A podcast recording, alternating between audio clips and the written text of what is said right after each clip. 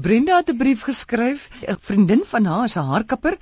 Ruk terug is sy genooi na 'n troue, geen kinders word toegelaat. Sy het 'n baba van 2. Sy antwoord toe en sê sy sal nie troue kan bywoon nie. Daar's nie plek om die kind te los nie. Die troue is ver van die huis af.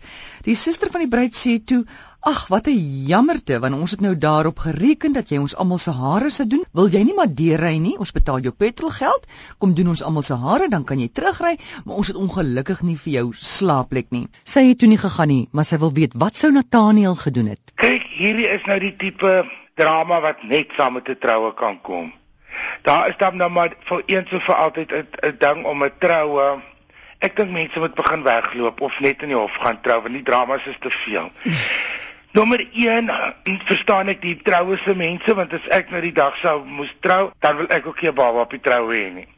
En ek verstaan die een met 'n baba van 2 wat as ek 'n babatjie het, sal ek nêrens se gaan nie as ek jou kind cute is of bou jy mos vir jou en jy pas hom op.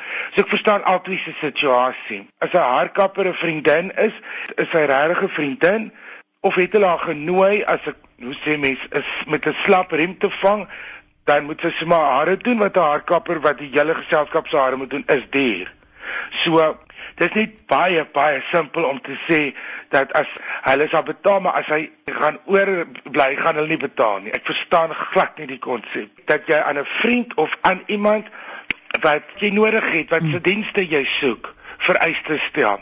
So sy het absoluut die regte ding gedoen wat binne die, die feit dat die situasie so is dit van 'n vriendskap en 'n sosiale geleentheid na 'n besigheidsgeleentheid toe gaan. As jy sou gaan gaan dit, dan sal jy jou petrol betaal het, jou verblyf en jou dienste. Dis hoe dit werk.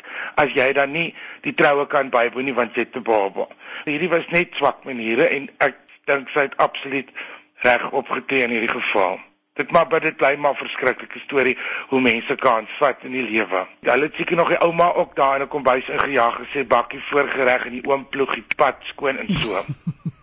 maar dit dit is 'n narigheid. Wel gedaan. Gee jou tyd aan jou kind en doen hare vir mense wat jou betaal. En waardeer. Hmm. Anna wil weet wat is die etiket rondom hande klap vir jouself? As jy byvoorbeeld beloon word en mense klap vir jou hande, as jy ook vir jouself klap, is dit reg of verkeerd? Waar kom hierdie gewoonte vandaan? Dit dit is 'n tipe van erkenning aan albei kante. Die die etiket is wanneer daar vir jou hande geklap word en jy's op 'n podium of voor of op 'n verhoog of jy word iets oorhandig, dan klap jy nie saam nie. Maar baie keer sal jy in 'n gehoor sit of aan tafel en iemand sal jou bedank en almal sal hande klap en jy klap dan saam hande om dit te erken. Dit is maar ek dink anders sit jy daar soos 'n voel op 'n prysuitdeling wat niks gewoond is nie. Ek klap altyd hande as mense vir my hande klap in 'n situasie waar dit nie op die verhoog is nie, want wat anders doen jy met jou hande? So jy klap maar om te sê ek is bly saam met julle en dankie. Maar dit is 'n eie keuse, maar die etiket is jy kan hande klap saam as iemand daar dronk op jou sit of baie keer as mense by bedank en ek sit aan 'n tafel of in 'n gehoor, klap ek ook hande, nie vir myself nie. Dit is my manier van terugwys. Van dank. Ek erken dit. Is dit nie 'n Amerikaanse ding nie. Kom ons nie daaraan deur die Amerikaners nie. Ons het geen benullie. Ek dink ek moet se kom aan deur iemand wat gespanne was.